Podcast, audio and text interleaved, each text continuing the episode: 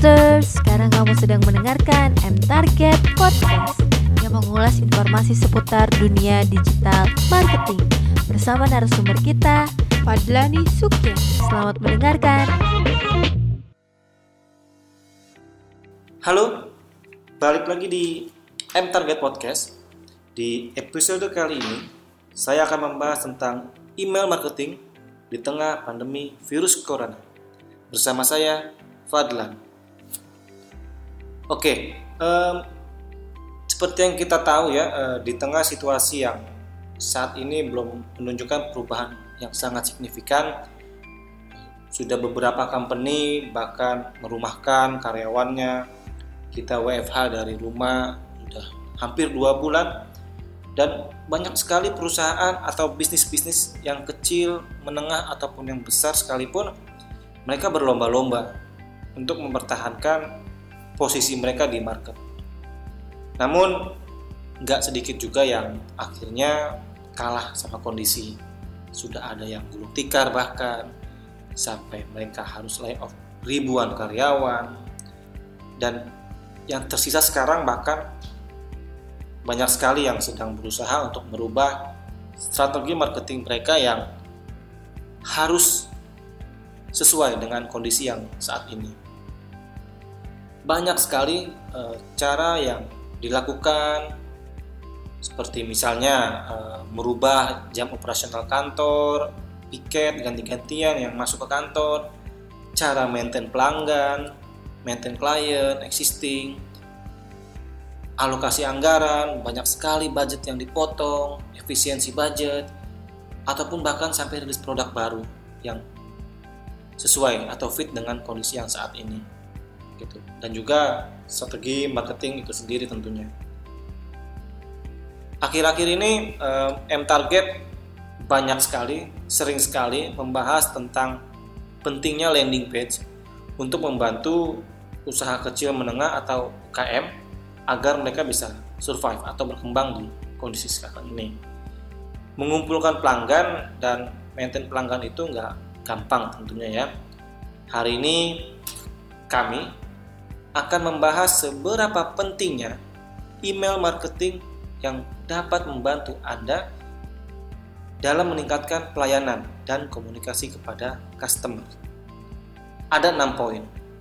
Berikut poin-poinnya.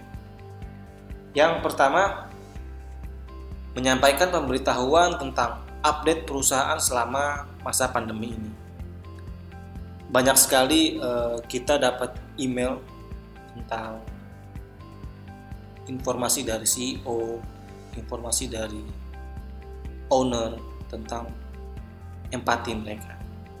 Tapi juga jangan lupa kita perlu mengkomunikasikan kepada klien kita atau customers kita tentang perubahan yang terjadi pada perusahaan kita. Seperti misalnya jam operasional kantor, kalau misalnya punya layanan customer service perubahannya seperti apa, jam tokonya, kebijakan perusahaan terhadap policy customers dan lain sebagainya. Tentunya penyampaian ini eh, dalam bentuk email dapat dilakukan supaya privasi dan personalisasi yang dilakukan kepada customers dan customers juga merasa lebih diperhatikan oleh company gitu. Eh, teman-teman juga nanti bisa mengkategorikan pelanggan-pelanggan mana yang ingin diberikan based on demografi audiensnya. Yang kedua adalah pesan kebersamaan. Yang tadi sudah saya bilang mungkin dalam beberapa belakangan ini banyak company yang memberikan empati email dukungan atau sifatnya yang moral kepada karyawannya. Namun, pesan seperti itu juga tidak luput dari hal-hal privasi yang mungkin bisa disertai dengan beberapa kompensasi dari perusahaan. Misalnya, seperti pembagian alat kesehatan, penyediaan tes secara berkala, ataupun perubahan kebijakan operasional kantor. Dengan email, semua dapat diinformasikan secara personal dan detail dan lebih aman. Oke, yang ketiga, eh, ini menarik. Yang ketiga adalah akses ke konten. Saat ini eh, dengan transisi ke dunia digital yang sangat tinggi, informasi yang kita terima itu banyak banget, sangat begitu banyak. Kebutuhan orang akan informasi yang dapat diakses itu sangat dibutuhkan.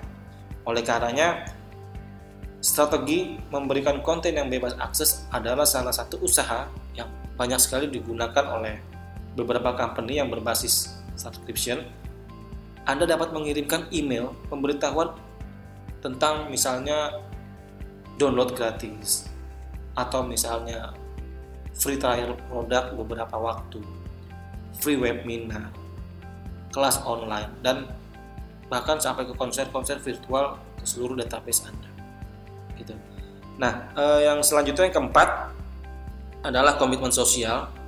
Dalam eh, masa-masa sulit seperti ini sepertinya tidak ada bantuan yang dinilai terlalu berlebihan ya. Semua aspek bantuan rasanya sangat cukup untuk mengobati kepentingan yang sorry kegentingan yang dirasakan. Support moral memang diperlukan tapi saat ini bantuan dalam bentuk aksi nyata pun juga sangat diperlukan banyak perusahaan yang mencoba menggalakkan aksi yang susah untuk menjangkau perseorangan.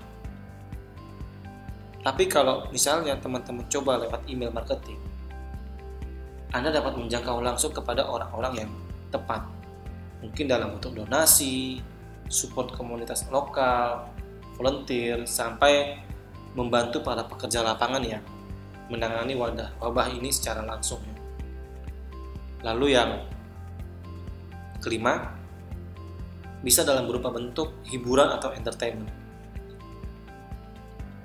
Banyak sekali kita rasakan ya eh, tekanan-tekanan yang saat ini membuat orang jadi bosan. Bahkan sampai orang-orang itu sudah mulai depresi karena mereka bingung mau ngapain.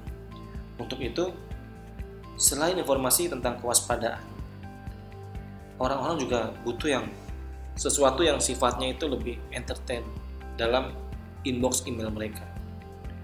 Oleh karenanya, informasi mengenai hiburan dalam situasi saat ini sangat diperlukan sekali, seperti beberapa di antaranya dengan menggalakkan challenge hashtag stay at home atau hashtag self isolation atau bahkan memberikan kabar baik mengenai update peningkatan situasi yang sudah kondusif, cerita inspiratif, yang dapat mengalihkan perhatian audiens selama karantina ini.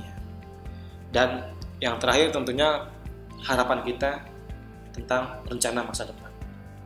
Tidak ada seorang pun yang bisa memprediksikan apa yang akan terjadi lusa ataupun besok.